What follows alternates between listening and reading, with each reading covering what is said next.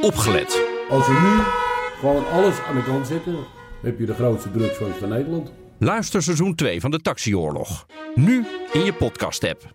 Het ziet ons een beetje zwart voor de ogen. Ja, hoe komt dat?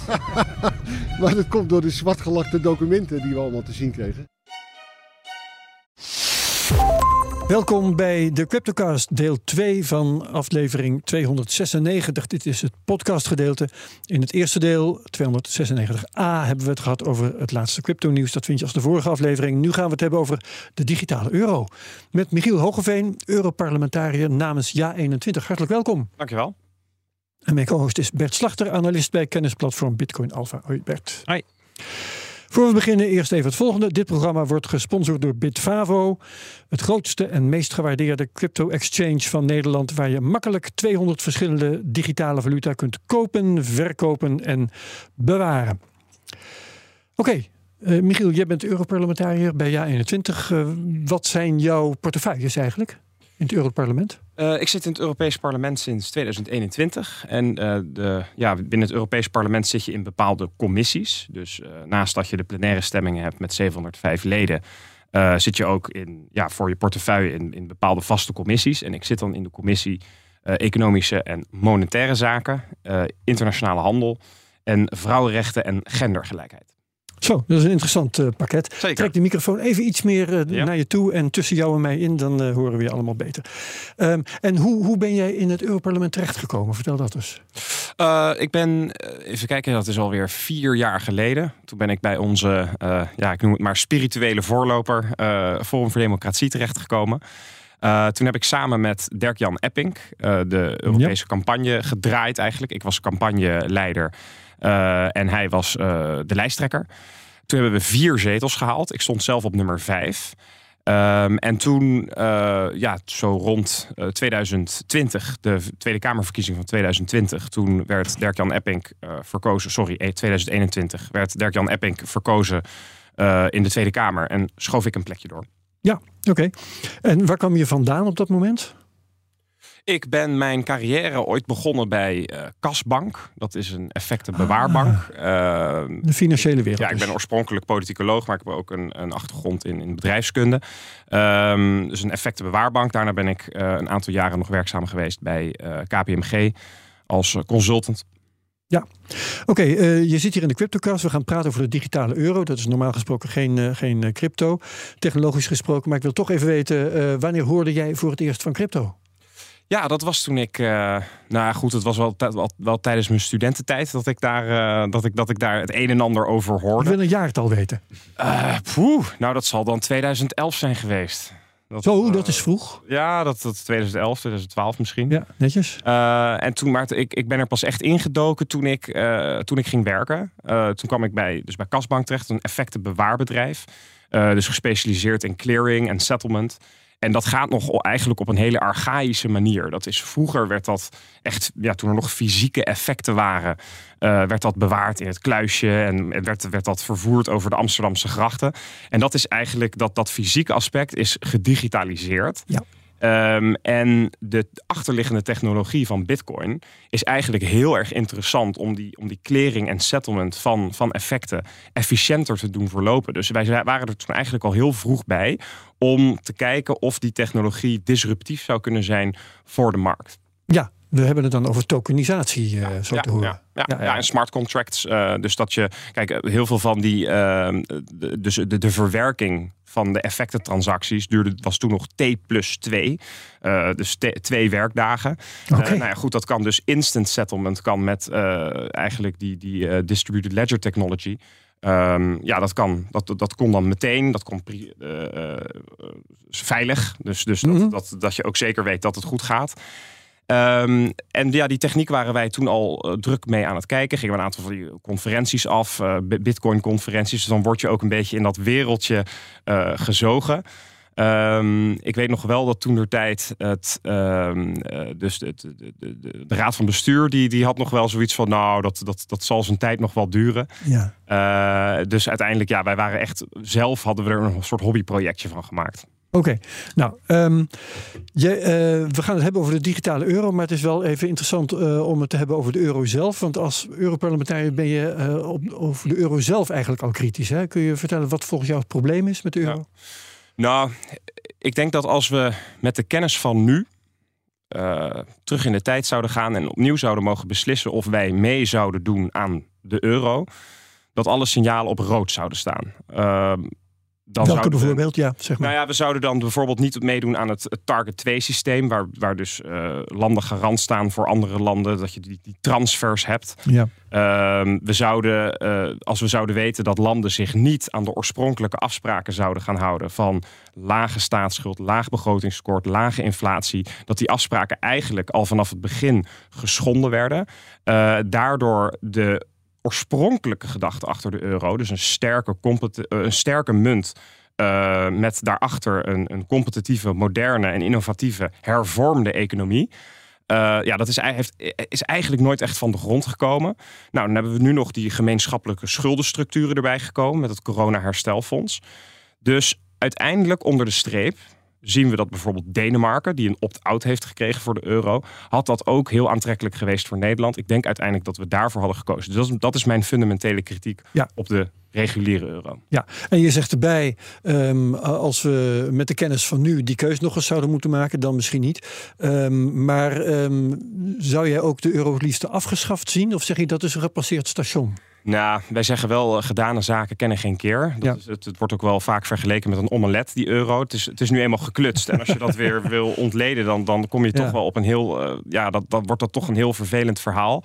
Eh, dus wat wij zeggen is, laten we in ieder geval terugkeren naar de oorspronkelijke gedachten, de oorspronkelijke eh, afspraken van de euro. Dus nogmaals, lage staatsschuld, laag begrotingstekort, eh, moderne, hervormde economieën. Dus de landen die dat tot nu toe niet hebben gedaan, moeten daaraan gaan voldoen. En als landen daar niet aan voldoen, zoals ze in het verleden ook niet hebben gedaan, dan moet het mogelijk zijn voor die betreffende landen om desnoods tijdelijk de eurozone te verlaten, om te hervormen, om te devalueren en eventueel later weer terug te keren. Wij vinden dat die euro, dat moet dan wel echt een eliteclub worden van moderne eh, en economisch sterke landen. Ja, oké. ehm, laten we het dan hebben over, over de, digitale euro. Ehm, als, tenminste, als je niet zegt, eh, eh, die digitale euro... Ik heb eigenlijk dezelfde bezwaren tegen de digitale euro... als tegen de, nou, laat ik maar zeggen, de analoge euro. Is het? Ja, ja. Eh, nee, de- de- die digitale euro, daar hebben wij als jaar 21 ook een bezwaar tegen, maar dat bezwaar ligt anders. Eh, wij vinden de digitale euro, eh, zeggen we eigenlijk altijd meteen erachteraan, dat is een oplossing op zoek naar een probleem.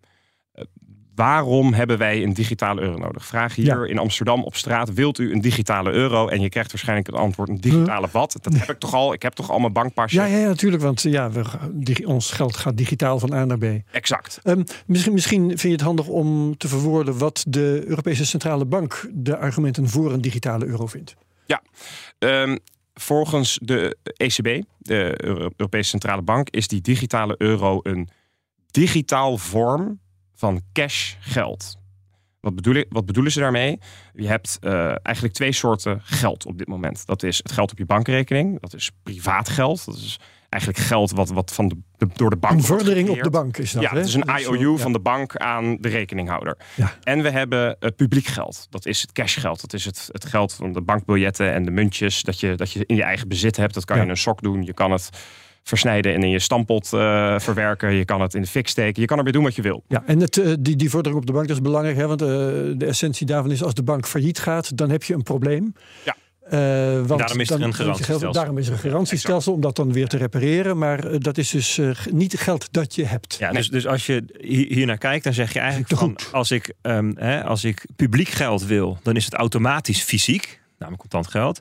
En als ik digitaal geld wil, dan is het automatisch privaat, namelijk het saldo op je bankrekening. Ja. En als wat we dus heel graag willen, is iets wat en publiek is en digitaal. Ja. En dan moeten we daarbij zeggen voor de fijnproever en voor iedereen beschikbaar. Hè? Want er is natuurlijk al digitaal eh, publiek geld. Dat zijn de, de bankreserves die commerciële banken aanhouden bij de centrale bank. Hebben we dat ook even gezegd. Maar dat dus digitaal geld uitgegeven door de overheid, de centrale bank, voor het grote publiek. Dat Ja. is er niet en dat willen we wel. Dat, Ja. is, dat is dan. Ja, dat is het argument van de ECB. Ja, Dus dat willen- was jij aan het vertellen, dat, dat is de ECB die dat... ja, ja, dus een dat is voordeel een digitaal monetair anker, noemen ze het ook wel.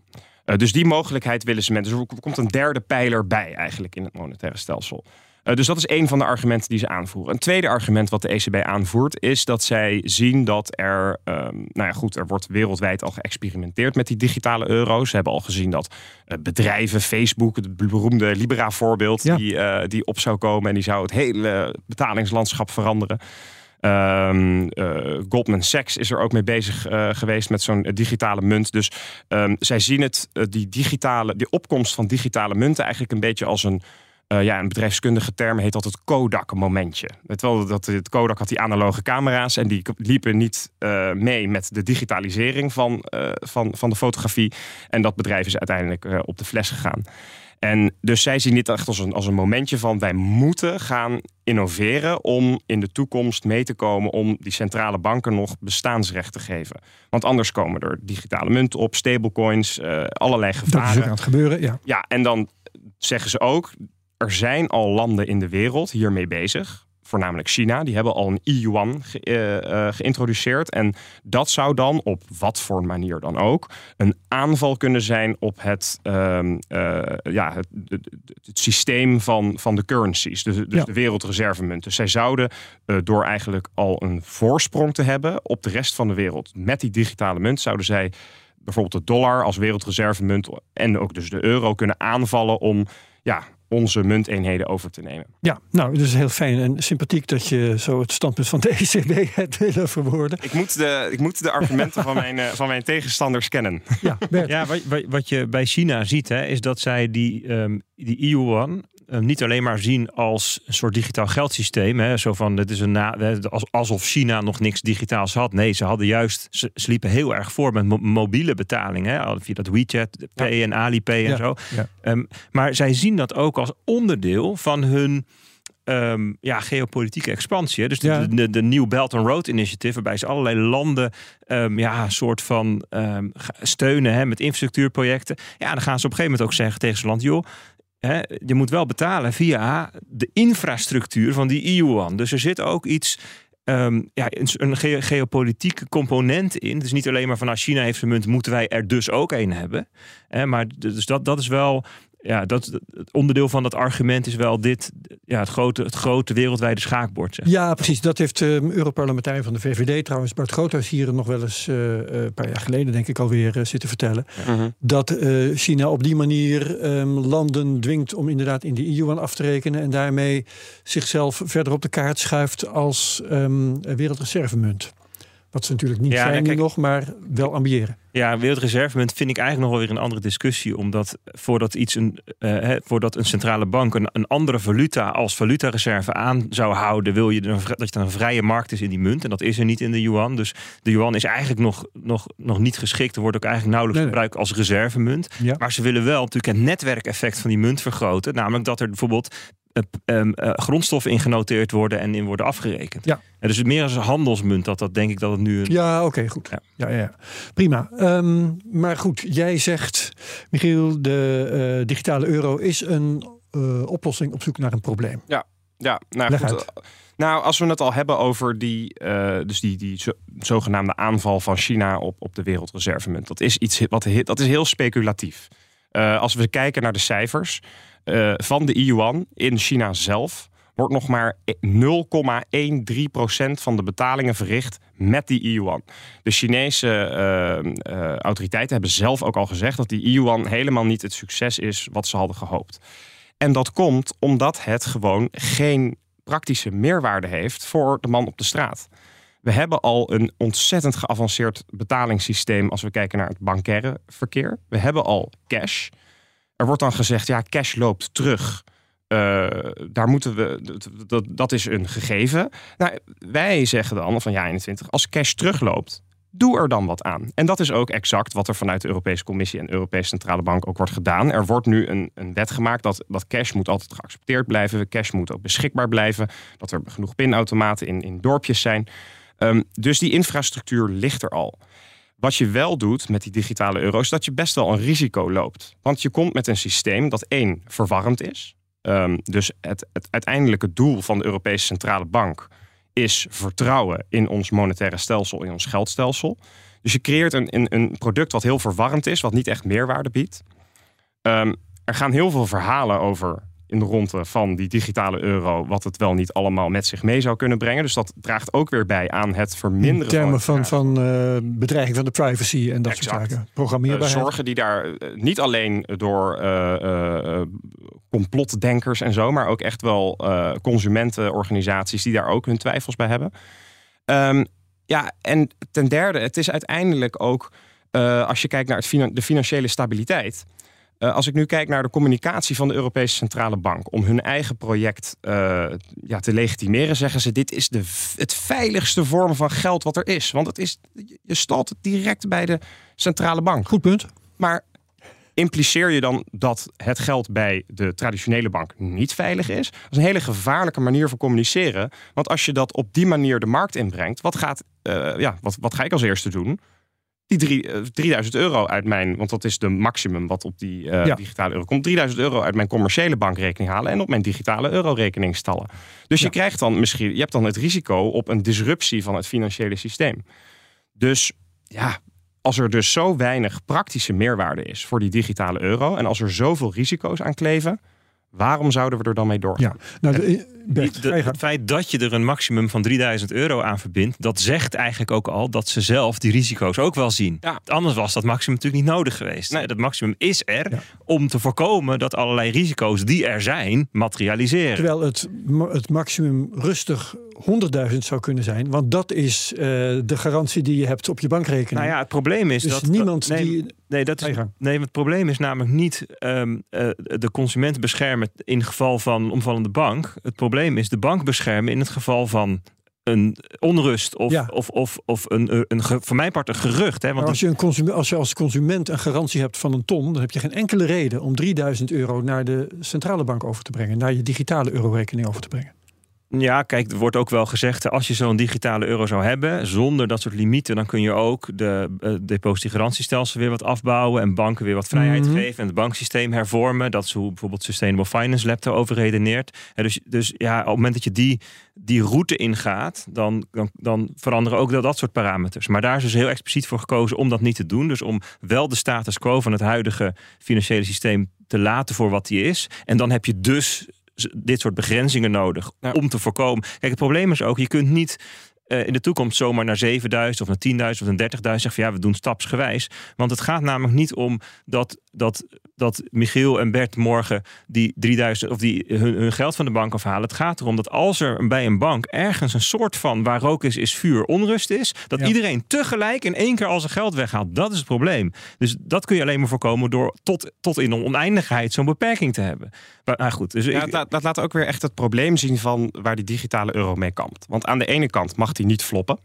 Want dat is reputatieschade voor de ECB. Dat kost de belastingbetaler allemaal geld. Eh, dat- dat- dan creëer je dus, dus onrust in het systeem. Van ja, waarom is dat ding er en moet hij weer worden afgeschaft? Dus hij mag niet floppen. Maar hij mag ook niet te succesvol worden. Want als dus iedereen dat ding gaat gebruiken en gaat opnemen. Dus je zit in een soort van hele. Nogmaals, mensen zien er geen meerwaarde in. En je zit ook nog in een hele smalle marge van: oké, wa- waar, waarom moeten we dit invoeren en wanneer is het succesvol? Dus eh, het, het is echt, en ik vind het onbegrijpelijk dat de Europese Centrale Bank en de Europese Commissie dit nu er echt doorheen duwen. Terwijl er ook vanuit de financiële sector allerlei waarschuwingen zijn van: jongens, doe het niet. Want uiteindelijk zijn het ook weer de traditionele ehm, spelers op de financiële eh, markten die, hier, die dit moeten gaan implementeren. Ehm, dus doe het niet. Ne- Neem, kijk, experimenteer met de technologie. Zorg dat je, als het nodig is, dat als China nou met zo'n aanval op de wereldreservemunt komt, dat je klaar staat om het uit te rollen. Dat zeggen wij als jaar 21 ook. Maar ga niet door met die daadwerkelijke introductie ervan, want het brengt ontzettend veel risico's met zich mee. En dit Ja. is dus niet iets wat eh, Michiel verzint. Dit heeft Fabio Panetti zelf op zijn slides, op zijn presentatie staan. hè. Het moet succesvol zijn, maar niet te succesvol. Ja. Ja, nou, ik heb heel veel projecten, eh, IT-projecten en dergelijke. Maar ik heb nog nooit als een van de ontwerpvereisten gezien... het mag niet te succesvol zijn. Het moet natuurlijk heel vreemd. Hè, daarmee, daarmee, ja, goed, daarmee uh, graaf je natuurlijk... Dus we streven naar middelmatigheid. Zo, zo, middelmatig mogelijk. Nou ja, maar, maar dat is wel, eh, denk ik, de conclusie die je, die je moet trekken als je nu kijkt naar wat de de, de, de, configuratie is van onze CBDC, dus de digitale euro, waarvoor gekozen is, de, zeg maar, de combinatie van eigenschappen die we hem geven, ja, dat het toch een soort van uh, uh, Russische gaarkeuken is geworden met een soep die niemand lekker vindt. En dat is wel een probleem. En dan denk ben sluit ik me wel bij, bij Michiel aan van ja, weet je, um, voor, wie, voor wat voor wie is het dan een oplossing? En alleen daar kun je natuurlijk ook in wat meer constructieve modus in gaan zitten en zeggen van oké, als die er dan toch gaat komen, voor wie zou die dan daadwerkelijk een oplossing kunnen zijn? Hè? Want jij zei net, cash loopt terug, doe er wat aan. Ja, je zou kunnen zeggen, dat doen ze ook, namelijk digitale euro. Dat is immers een manier om cash bruikbaarder, gebruiksvriendelijker te maken in een tijd waarin we nou eenmaal heel veel op afstand afrekenen. Eh, Sneller van A naar B te brengen. Precies, nou ja, bijvoorbeeld online kopen. Als jij iets in een webshop wil kopen, dat, eh, dat kan niet met cash, hè, vanwege de fysieke aard ervan. dus je zou ook kunnen zeggen van oké, als het er dan toch komt. Ja, ik vind het jammer dat het, niet, dat het niet nuttig is als spaarmiddel. Het is alleen maar een betaalinfrastructuur. Maar als het er dan toch komt, um, op zichzelf hebben we in Europa nog best behoefte um, aan, um, aan, aan een betaalinstrument wat, wat over de grenzen heen in alle landen snel en 24/7 en handig en instant settlement werkt. Helemaal eens. Dus, helemaal eens. Ja, nee, dit, dit, is, dit is zeker een punt. En dit is ook een punt wat vaak wordt aangehaald als voorstanders van de digitale euro als ik met iedereen, als ik met een groep vrienden ga dineren. En er komen er uh, vier uit Nederland en eentje komt er uit uh, Frankrijk, Parijs. Ja. Dan kan ik naar die vijfde persoon uit Frankrijk dus geen tikkie sturen. Die kan dat niet betalen. Dus die systemen, aan Ideal. Hè? Ja, die systemen staan niet op elkaar afgestemd. In Nederland hebben we een heel goed systeem met Ideal. Um, en in Spanje hebben ze bijvoorbeeld Bizun. Uh, maar in andere Europese landen is het nog vrij rudimentair hoe dat, hoe dat werkt. Uh, daar ben ik dan vanuit de Economische Monetaire Commissie in het Europees Parlement uh, mee bezig. Wij, ik ben rapporteur op het Instant Payments dossier. Dus mm -hmm. dat, wij willen eigenlijk dat Ideal, het Nederlandse systeem, Europees wordt uitgerold. Dus daar zijn we nu al mee bezig om gewoon via het normale bankaire systeem uh, ja, dit Europees ja. uit te rollen. Maar dat is geen cash. Dat is toch weer vordering op de bank. Ja, uiteindelijk wel. Maar goed, als je uiteindelijk in cash wil afrekenen bij uh, het restaurant. Nou, dan staat je dat ook vrij. Dus, dus, dus uiteindelijk dat cash blijft bestaan. Ja, dat, dat nee, maar ook... Bert en... zegt een digitale euro zou de rol kunnen spelen van cash in allerlei uh, functies, allerlei ja. vormen waar cash zelf niet geschikt voor is. Maar dan zou de digitale euro in feite een product worden wat al decennia geleden bestond, namelijk de chipknip. Dus de chipknip die deed je in een oplaadautomaat. Daar uh, ja. je, je pincode in, haal je je commerciële bankgeld vanaf. Heeft het iets geld werd op die chipknip gezet. Dat werd dus privaat geld. Maar die chipknip bestaat niet meer. Waarom bestaat die niet meer? Omdat hij niet werd gebruikt. Nee, maar de chipknip kon alleen maar alsnog in de fysieke aanwezigheid. Hè? Je had je pasje nodig om ter plekke, want ja. die tokens stonden echt op die chip van het pasje. Ja, dus dan wordt het in feite een chipknip 2.0, dat je het ja. ook op je telefoon kan laden. Ja, precies. Nou ja, goed, zou interessant kunnen zijn. Maar ik vind het wel, ik, ik zou nog wel iets meer over willen horen. Hè? Je hebt over die, um, uh, dat instant payments. Ja. Hoe, hoe, heet dat niet het... Um, European, European Payments Initiative. Ja, ja klopt. En, en, en, dat, en daar is ook een wet voor in ontwikkeling. Ja, ja, dus wij zijn bezig om ervoor te zorgen dat er, een, uh, ja, dat er eigenlijk een soort kaderwet wordt ontwikkeld. Dat dus betalingen binnen de Europese gemeenschappelijke markt voortaan binnen 10 seconden van de ene rekening naar de andere rekening. Dat kost nu dus 2 à 3 werkdagen. Moeten. Die wet zegt dat dat moet. Ja, dat moet. Dat moet beschikbaar zijn over de hele Europese gemeenschappelijke markt. Dus, wat dus je als, nu... jij, als jij een bank bent, dan, dan moet je dat kunnen met alle andere banken in Europa, ja, volgens exact. die wet. Dat wordt, dat wordt op elkaar aangesloten. Ja, dat moeten ze dan zelf nog gaan doen, neem ik aan. Dat, nou ga ja, je niet kijk, voor... dat, dat, is al heel lang de Technisch bedoeling. lijkt me dat niet zo verschrikkelijk moeilijk. Nee, dat is al heel lang ook vanuit de Europese Commissie uh, de wens geweest om dat te bewerkstelligen. Uh, en die hebben dat ook aangemoedigd om, om aan banken en andere financiële spelers om dat Europees uit te rollen. En dat is nog niet echt van de grond gekomen. Uh, en eigenlijk uh, heeft de Europese Commissie nu naar Nederland gekeken. Daar zijn banken zelf gaan samenwerken. Hoe ze bijvoorbeeld met Ideal uh, die betalingen op elkaar kunnen afstemmen. Dat het allemaal, want in Nederland hebben we al instant payments. Dat dus als ik uh, gel geld ma overmaak van de ABN naar de rekening van jou van de Rabobank, dan staat het binnen 10 seconden op je ja, rekening. Is dat, wel anders dat, geweest? Dat gaat wel an, dat gaat, dat gaat niet via Ideal of iets dergelijks. Nee, dat is, dat is het bankaire. Dat, dat zijn banken die dat zelf met elkaar ja, maar Er zijn verschillende netwerken ja. waar je op aangesloten kunt worden. En je, jouw bank en de andere bank moeten toevallig op hetzelfde netwerk zitten. Dan lukt het. Dus je had dan ook nog eens vanaf Bunk kon het soms wel en soms niet. Niet afhankelijk van of het op het goede netwerk staat. Dat is nog steeds de, hoe het is, toch? Dat, Ja. is dit Ja, herinnering maar dat wordt nu dus Europees op elkaar, moet dat op elkaar worden aangesloten. Maar dat ga je, daar ga je een, eh, een regulation voor maken. Zo Ja. van, jullie moeten dat doen, maar ze moeten dat nog wel even doen dan. Even zeg ik even tussen air quotes. Ja, ja, dus dat is dus ook de reden waarom wij zeggen... die digitale euro, die komt er dan dus ook weer bovenop... aan investeringen die traditionele spelers in de eh, financiële sector... in de betalingssector moeten doen. Terwijl wij zeggen, nou, we hebben al het Instant Payments eh, eh, initiatief... het Instant Payments Regulation, die daarvoor gaat zorgen. Dus je creëert een, een, een dubbele last op, het, op, op de, ja, de financiële sector... Ja. door nu dan met instant payments te komen... en daarna met die digitale euro-infrastructuur... Terwijl eigenlijk er geen toegevoegde meerwaarde is voor dat, voor dat tweede aspect. Nog één ding wat ik daarbij aan kan toevoegen, is een ander argument van de Europese Centrale Bank om met die digitale euro te komen, is omdat wij te afhankelijk zouden zijn van Amerikaanse kaartsysteem. Als je met je pinpas betaalt, staat er Maestro op of VPay, dat is dan Mastercard Mastercard, zo, ja. Visa, American Express.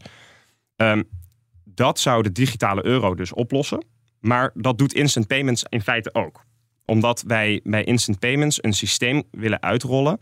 Dat, ehm, ja, wat heb ik een mooi voorbeeld van? Bijvoorbeeld een marktkoopman. Daar kan je vaak nog niet met pin betalen. Omdat het Ja. hebben van zo'n pinautomaat is duur. Het is, het is voor zo'n man vaak om- omslachtig. Ehm, en dus betaal je nog, moet je nog vaak met cash betalen. Nou, bij het ehm, eh, instant payments dossier worden dus, moet het dus bijvoorbeeld mogelijk worden voor een marktkoopman om via een app op zijn telefoon een QR-systeem in te voeren. Dus dan eh, typ je nou, een brood 4 euro. En dan eh, krijg je een QR-code, die scan je met je telefoon. En Ja. dat kan door heel Europa dan met je bank-app worden betaald. En dan pats binnen 10 seconden op de rekening van die marktkoopman. En wie maakt die app dan?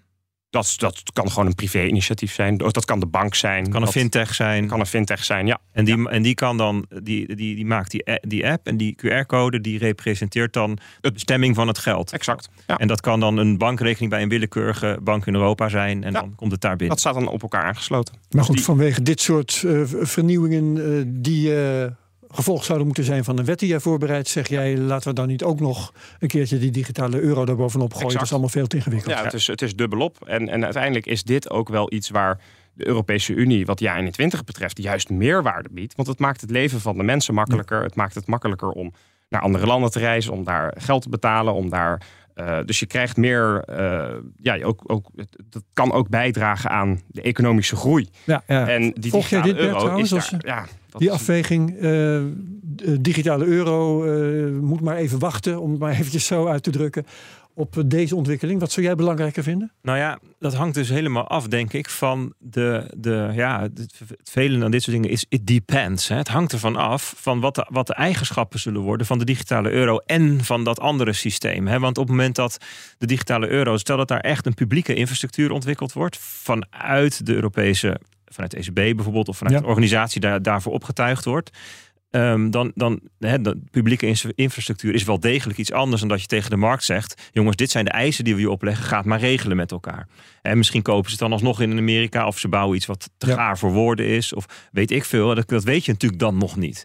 Hè? En ehm, dus ja, mm, op zichzelf is het natuurlijk wel een logische redenering om te zeggen: joh, je moet niet te veel dingen tegelijk aan instellingen opleggen, hè, financiële instellingen of aan de markt, want ehm, dan, is, dan is logischerwijs de consequentie dat dingen later of duurder worden dan als je er maar één had opgelegd. Ik bedoel, die is natuurlijk eh, Ja. duidelijk. Maar Ja. Hey, als, eh, Michiel, als we kijken naar, naar bezwaren, ehm, eh, hebben we dan je belangrijkste bezwaar eh, gehad? Ehm, of vind je bijvoorbeeld privacy en programmeerbaarheid ook problemen? Want die worden in verband met de digitale euro ook wel genoemd. Ja. Ja, nou goed, privacy en, en programmeerbaarheid, dat is iets wat. Programmeerbaarheid, voor wie het niet eh, weet ja. of snapt, eh, dat je een, eh, iemand eh, een hoeveelheid euro's kan geven die alleen maar aan eten mag worden Ja, uitgegeven. dus of iets bijvoorbeeld de, de, voetbal- voedselbonnen die, eh, Ja. of nou, om een voorbeeld te geven, een, eh, eh, je krijgt nu eh, subsidies op eh, duurzaamheid. En dan krijg je dus dat geld, ge- dat is geprogrammeerd, dat je het alleen aan zonnepanelen of aan eh, windturbines mag uitgeven of, eh, of in mag investeren. Ja. Ehm, daar heb, ik op dit moment niet zo heel veel zorgen over, omdat dat vanuit de ECB en vanuit de Europese Commissie ook heel duidelijk eh, in het wetsvoorstel is gezet. Dus va- vanuit de ECB, vanuit eh, dat we dat niet doen. dat ze dat absoluut niet willen. Want er zijn dus mensen, eh, een voorbeeld is Arno Wellens, die hier ook wel eens heeft gezeten, die Ja. zeggen van het kan, En dat is natuurlijk waar, technologisch kan het. Ja. Dus zal het ook gebeuren. Ja, nou goed, goed. Ik, ik, ik denk dat er ehm, technologisch kan het. Maar we hebben ook nog zoiets dat heet de democratische rechtsstaat. en als jij mensen op zo'n manier gaat sturen in hun gedrag, in hun betaling. Kijk, dat kan je wel doen, maar dat is indirect. Dus met belastingen, accijnzen, et cetera. Ehm, maar als je op zo'n manier, dus nou goed, ik ken alle, ik ken alle eh, theorieën die daarmee eh, in Ja. de rond te gaan. Dus, dus over eh, het CO2-budget en over social credit score system, dat soort vergaande theorieën. Ehm, ik denk dat dat uiteindelijk instrookt tegen de democratische rechtsstaat, dat dat geen stand zou houden bij een rechter. Wil een, wil een overheid of een centrale bank dat überhaupt al invoeren? Ehm, dus daar ben ik niet zo bang voor. Als we kijken naar privacy, ja, de digitale euro wordt nu op zo'n manier ingericht dat je, eh, nou ja, goed, dat kan dan bijvoorbeeld via de interface van je bank of een wallet moet je dan openen. Dan moet je jezelf eigenlijk, ehm, ja, hoe noem je dat, introduceren, onboarden, eh, Mhm, identificeren. Aanmelden, ja. aanmelden. En daarna eh, is je wallet eigenlijk een soort eh, sandbox, digitale sandbox, waar dan die digitale eurotjes in worden bewaard. Maar die staan in, daar heeft niemand inzage in. Het is eigenlijk alsof je geld hebt opgenomen bij een pinautomaat. Nou, de bank weet, Michiel heeft zijn geld, bankbiljetten uit de pinautomaat gehaald. Maar wat ik er daarna mee doe, weet de bank niet. En dat is eigenlijk wat die digitale euro ook moet gaan voorstellen. Neemt niet weg dat, eh, en dat heb ik ook gevraagd aan Fabio Panetta van de Europese Centrale Bank, die over dit digitale europroject ging, is dat je iets hebt en dat heet in het Engels mission creep. Dus je begint Ja, ja. met, een, met een, een bepaald eh, idee. Je introduceert een product of een service of een wet. En je ziet dat in de toekomst er iets gebeurt waar je op dit moment nog geen weet van hebt. En dat je daardoor die wetgeving moet oprekken. Dus om een voorbeeld te geven, die 3000 euro limiet die er nu op staat, die staat er ook op omdat het echt wordt gezien als een cash product. Dus uit de muur kan je ook niet een bepaalde hoeveelheid geld trekken. Eh, om het dus ook zodanig te behandelen. Maar die limiet is niet juridisch bindend in het wetsvoorstel. Dus daar kunnen ze mee gaan spelen. Ja. Nou, als je die limiet dus gaat verhogen, dan kom je weer bij grote bedragen. Grote bedragen, dan kom je in het terrein van anti-witwas eh, regelgeving, eh, sanctiescreening. eh. dus dan kom je weer toch in een wereld terecht waarin die betalingen moeten kunnen worden gescreend. Dus dat is mijn grootste zorg als het gaat om privacy. Dus we weten niet, we openen met die digitale euro in feite een doos van Pandora en we weten niet waar dat gaat eindigen. Dus die zorgen deel ik wel. Ja, die deel ik wel. ja. Jij ook, Bert? Ja, zeker. Ja. Hm. Ehm, ehm, er zijn natuurlijk in de afgelopen tijd best wel wat voorbeelden geweest, ook van overheden die geconfronteerd met een eh, plotselinge crisissituatie ineens besloten om ehm, eh, dingen die ze daarvoor nooit zouden doen, toch te doen. Hè. De, de, de Canadese truckers die komen in gedachten, die waar eh, hun, hun toegang tot het, eh, het, het, het banksysteem werd afgesloten en dat van hun familie en dat van hun donateurs, zonder Ja. dat er een hele rechtszaak is geweest bij een rechter, zei ja, dit lijkt me een goed idee. Dat zeiden ze, dat doen we achteraf wel. Hè? En, ehm, en denk ook aan, aan de, de Russische valutareserves die bevroren werden. En dat is natuurlijk vanuit het perspectief van Amerika een hele logische stap.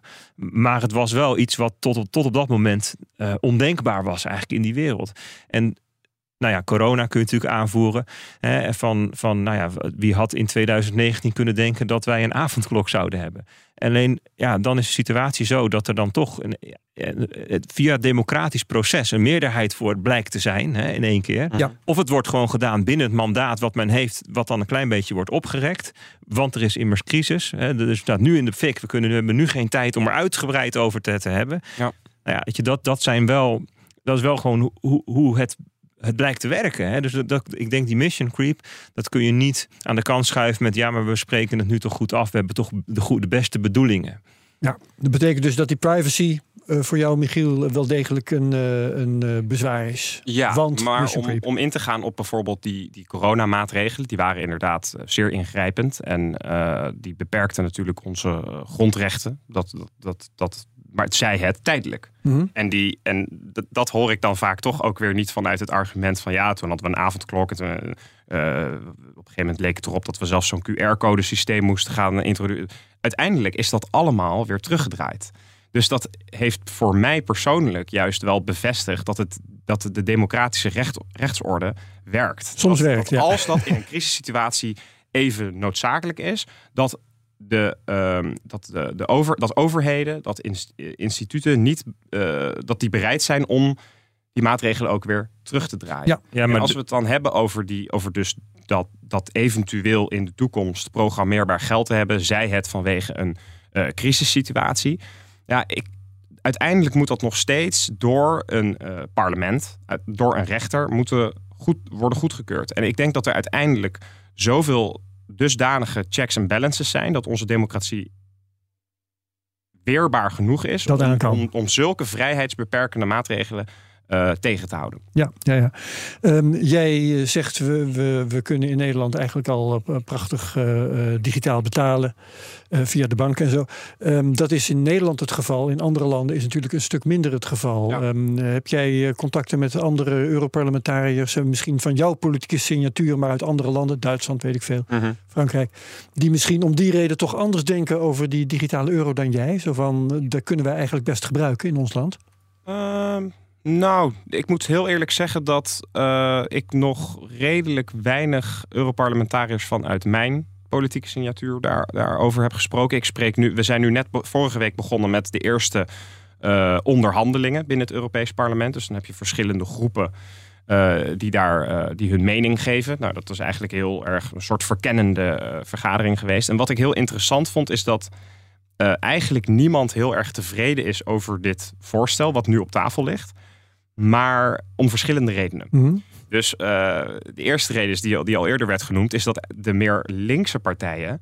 Die vinden dat die digitale euro veel ambitieuzer moet. Die vinden dat het veel meer eh, disruptief moet zijn. Dat het juist de, de, de, de, de grote boze banken eh, minder macht geeft. En dat het Ja. voor mensen mogelijk wordt om dus veilig bij een soort volksbank. Ja, ik hoor het maar hier Alkaya zeggen. ja, exact. Eh, en die zijn dus heel erg boos dat juist die banken hier een rol houden. En mijn politieke signatuur gaat weer de andere kant op. Van ja, nee, het is, het is een oplossing op zoek naar een probleem. Het is eigenlijk al te veel. Dus laten we het, eh, laten we het gewoon in de ijskast stoppen. Ga- Gaan ze hier wel uitkomen? Of gaan jullie hier wel uitkomen dan? Ja, dat is de vraag. Dat is ja, de vraag. Want laten we het gaan hebben inderdaad. De- de- dit zit in de pijplijn. Hè? Er, er, er ligt een voorstel. Ja. Hoe gaat het eh, nu verder? Even los van, van wat jij zo, want jij bent niet, niet, niet voor. Maar Ja. wat zijn de vooruitzichten? Eh, de Europese Centrale Bank die heeft nu zijn experimentele fase afgerond. Die gaat nu in, naar wat ze noemen de realisatiefase. Dus ze gaan Mhm. kijken hoe dit in de praktijk werkt. Ze gaan pilots draaien, et cetera. Daar zijn ze ook gewoon mee begonnen al. Hè? Daar zijn ze al mee begonnen. Zonder Dus- dat er vanuit de politiek een go is gegeven. Ja, dus dat was ook twee weken geleden. Had eh, president Lagarde van de Europese Centrale Bank had een filmpje online gezet. waarin ze zei: van nou, we hebben de experimentele fase afgerond. Het was succesvol. We gaan die realisatiefase. De politiek komt er vast wel uit. Ja, en dan had ze dat laatste zinnetje, zei ze van, oh ja, en eh, oh ja, de legislators, dus eh, de, de wetgevers, die moeten hier ook nog wat van vinden. Ja, ga je er ook een plasje over doen. Weet je wel, zo, zo ging dat. En, en ja, ik, ik had zoiets van, ho, ho, wacht eens even. Volgens mij hebben wij in het Europees Parlement eh, het macht, de macht om dit voorstel, wat dus van de Europese Commissie is gekomen, om eh, nou ja, te amenderen of Mhm. wel compleet te verwerpen. Tuurlijk, ja. Dus dat het er komt is nog absoluut geen zekerheid. Maar Ehm, beperkt, wel, beperkt het jullie mogelijkheden? Want het is toch een soort van voldongen feit waar je mee geconfronteerd wordt. Hè? Dat als je nu zegt, nou, we willen het helemaal anders. Ja. Zegt de ECB, ja, maar we zijn al zover. En In Nederland krijg je dan kamervragen. Is de minister bekend Ja. dat enzovoorts? Heb je dat als Nou, wat Europarlementariër je dus ook? ziet is dat, dat vanuit de Europese Centrale Bank ontstond deze behoefte. Dan is de Europese Commissie begonnen met het, eh, het maken van het ontwerpen van die wet. In tegenstelling tot de Tweede Kamer ligt in de Europese Unie niet het recht van initiatief bij het Europees Parlement. Eh, maar bij de commissie. Die maakt die, die, dat, zo'n wet. En dan komt het nu bij ons in het Europees Parlement en bij de Europese Raad. Dus de, de lidstaten we gaan er ook nog over debatteren. En dat doen we Ja. nu tegelijkertijd. de triloog heet het dan. En dan komen we bij elkaar, commissie, parlement en raad. En dan komt er weer een overleg. Maar als wij als Europees parlement zeggen... wij dienen een amendement ter, amendement ter verwerping in, zoals dat heet... en dat haalt een meerderheid in het Europarlement... dan eh, kan, wordt die wet gewoon afgeschoten. Eh, dus dat is op dit moment onze inzet van ja 21. Wij zeggen, eh, dien dat amendement ter verwerping in. Zorg dat we daar meerderheid voor krijgen. Want het, het, het wetsvoorstel wat er nu ligt... is zo fundamenteel de verkeerde richting... dat ja, we kunnen het wel gaan amenderen... maar ja, uiteindelijk moeten we gewoon terug naar de tekentafel. Eh, en het liefst eigenlijk dit gewoon niet willen invoeren. Stel dat je Ja. dat doet en de wet wordt verworpen, het wetsvoorstel. Nou, ja. Even één stadium terug. Eh, Ja. Als je dat doet, is er dan een kans dat die wet wordt verworpen? Want hoe liggen op dit moment de mogelijke stemverhoudingen in het parlement? Ja, nou wat ik nu, als ik zo mijn collega's zo in die verkennende gesprekken heb afgetast, is er geen meerderheid voor die amendement, eh, voor zo'n verwerping. Voor het verwerpen, nee. Dus dat, dat is toch dat we er gaan amenderen.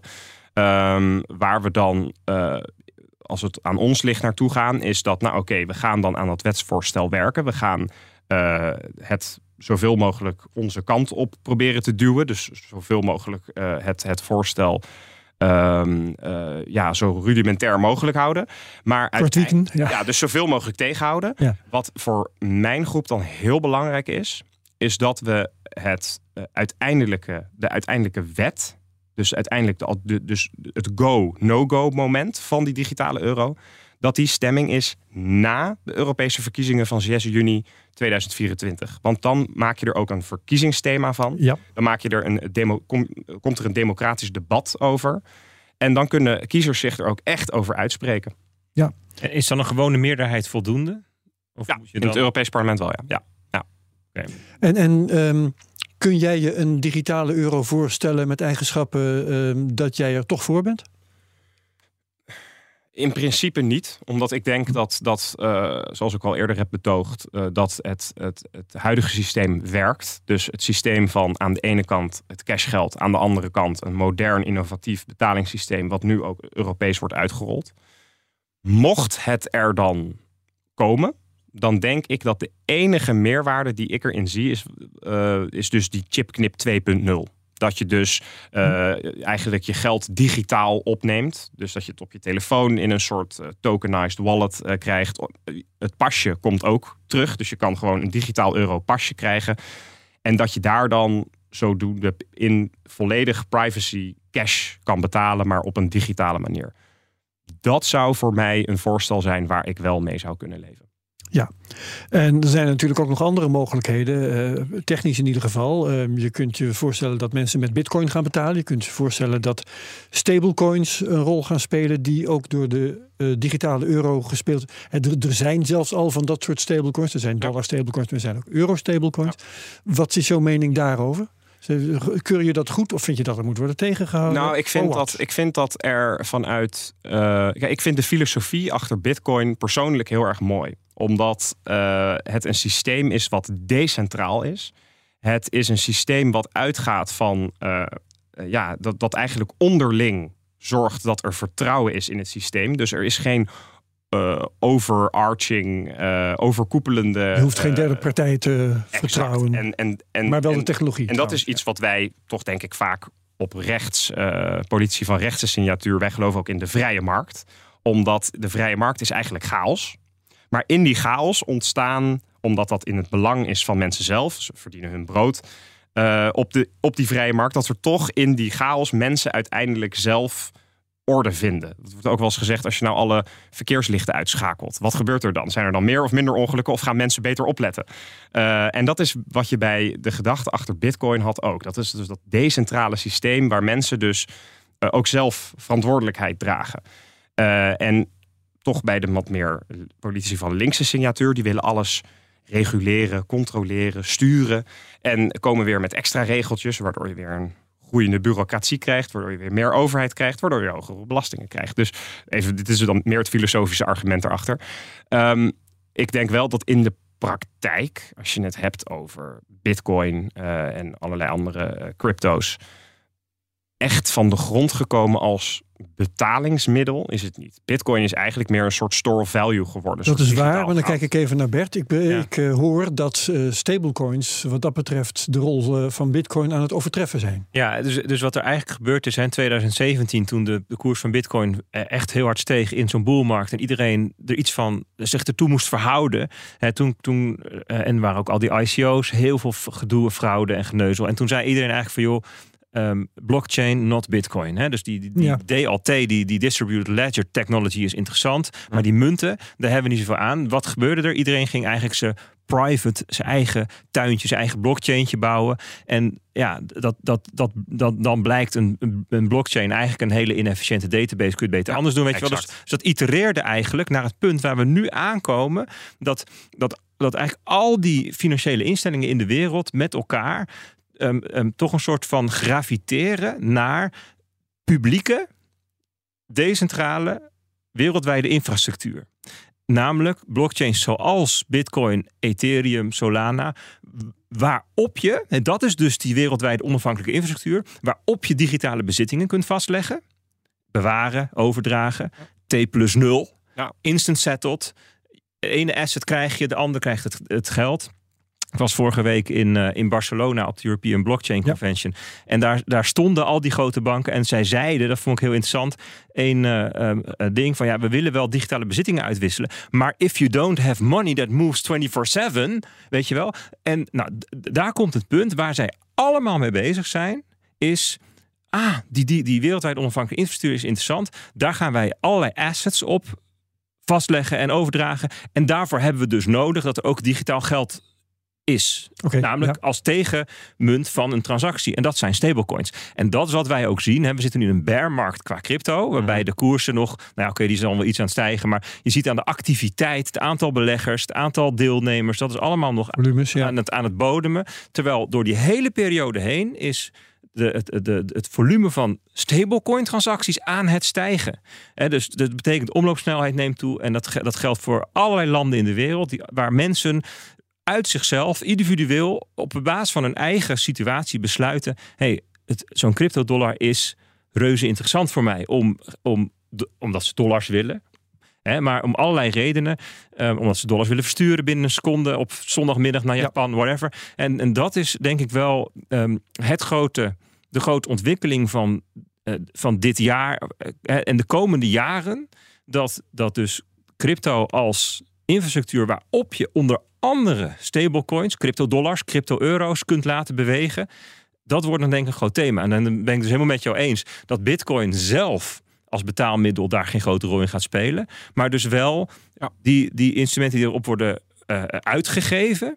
Waarbij wij ons dan natuurlijk als CryptoCast en zo realiseren dat het alleen maar kan omdat daaronder Bitcoin en Ethereum bestaat. En het dus decentraal geregeld is. Precies. Dat is dus, ik heb dat in mijn... eh, En dat, dat is voor jou sy- sympathieker dan wanneer dat de ik centrale bank sympathieker. Ik heb dat ook in mijn speech toen in het Europees Parlement gezegd. Van toen Bitcoin werd geïntroduceerd, was dat, een, was dat revolutionair op het gebied van finance. Eh, het was echt, echt een, een, een, een moment dat we dus uiteindelijk een, een, een, een systeem hadden dat zichzelf reguleerde. En die digitale euro is precies wat je zegt. Dat is weer een inefficiënte digitale database in feite. Dat is gewoon weer iets centraal geregeld. Dat is weer het, het oude systeem, wat eigenlijk dus al prima werkt. Dus waar innoveer je nou precies? Maar als je dan dus ziet hè, dat allerlei financiële instellingen nu zeggen: Nou, we hebben dus onze bestaande infrastructuur, dat is leuk, maar we hebben ook een hele nieuwe infrastructuur waarop we dingen kunnen gaan doen. En daar gebruik je dus onder andere crypto-euro's voor, hè, stablecoins. Zeg jij dat is dan iets wat ik steun, wat, wat we ook vanuit Europa zouden moeten faciliteren? Dat dat kan ontstaan naast de bestaande eh, eh, financiële infrastructuur en, ook naast de digitale euro? Ja, ja. Ehm, dat vind ik een, een moeilijke vraag. Dat is, eh, dat is ook vrij speculatief hoe dat er uiteindelijk zal uit gaan zien. Ik denk wel dat het belangrijk is dat er wel op, en dat, dat hebben we dan eh, dit jaar ook gezien met de MICA-regelgeving in, in het Europees Parlement. eh, dat er wel een bepaalde regulering van een cryptomarkt nodig is. Eh, dat hebben we gezien met het FTX-schandaal. Ja. Dat het ook nodig is dat als bijvoorbeeld een bedrijf op de Bermuda zit, dat ze niet eh, ja, dat passporting, dat ze dan eh, op de gemeens- Europese gemeenschappelijke markt allerlei scams kunnen introduceren.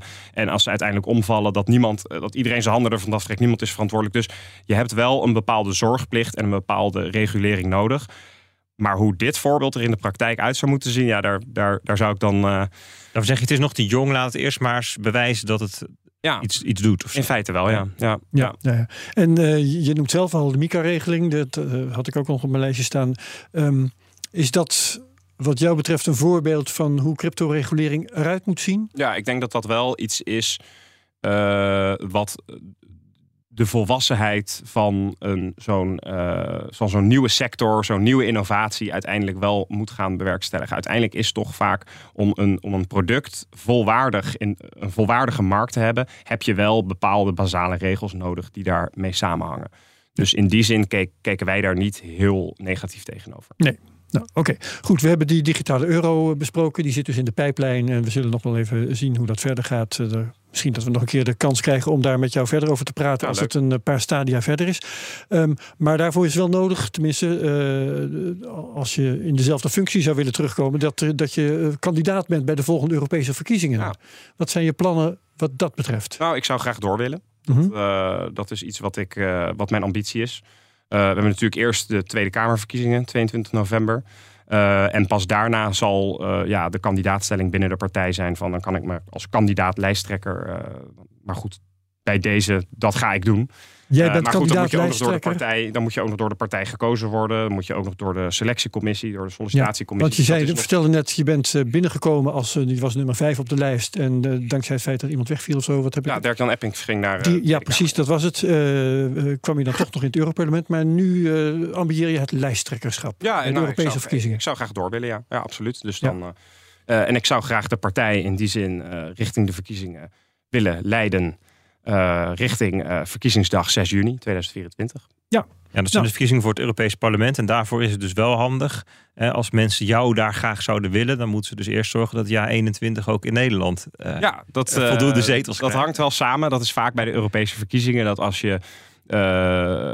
als je, hebt dan, je hebt, nou goed, in 2019 was het grote debat Rutte tegen Baudet. nou ja, goed, dat, dat vaak wordt, lopen die Europese verkiezingen wel eh, over de hoofden van de landelijke kopstukken. Dus het is ook wel belangrijk dat wij als jaar 21 zo goed mogelijk en sterk mogelijk vertegenwoordigd zijn op het eh, landelijke politiek. Ja, en het omgekeerde geval, hè, stel dat, dat uh, eh, 21 geen zetel zou krijgen in de Tweede Kamer, wat nog wel een concrete mogelijkheid is, denk ik, dan zou ja 21 ook niet meedoen met de Europese verkiezingen. Begrijp ik dat goed? Nou, daar houden we geen rekening mee. we gaan er wel vanuit dat we een mooi, een mooi resultaat gaan halen uh, op 22 november. En uh, nou ja, goed, wat er daarna gebeurt, dat, dat gaan we zien. Ja, oké. Nou ja, ik dank je wel voor je verhaal. Michiel Hogeveen van Ja 21 uit het Europarlement. Bert Slachter van Bitcoin Alpha, ook heel hartelijk bedankt dat je co-host was deze keer. Tot zover uh, deze CryptoCast. Vergeet me niet te delen met je volgers op Twitter. Gebruik de mention at CryptoCastNL. Reviews achterlaten op Apple Podcast. Dat moet je ook doen, dan zijn we beter te vinden al daar. Like, subscribe en comment op YouTube. En voor de rest, dank je al allemaal. En tot de volgende week bij de CryptoCast. Dag. CryptoCast wordt mede mogelijk gemaakt door Bitfavo, de crypto-exchange van Nederland.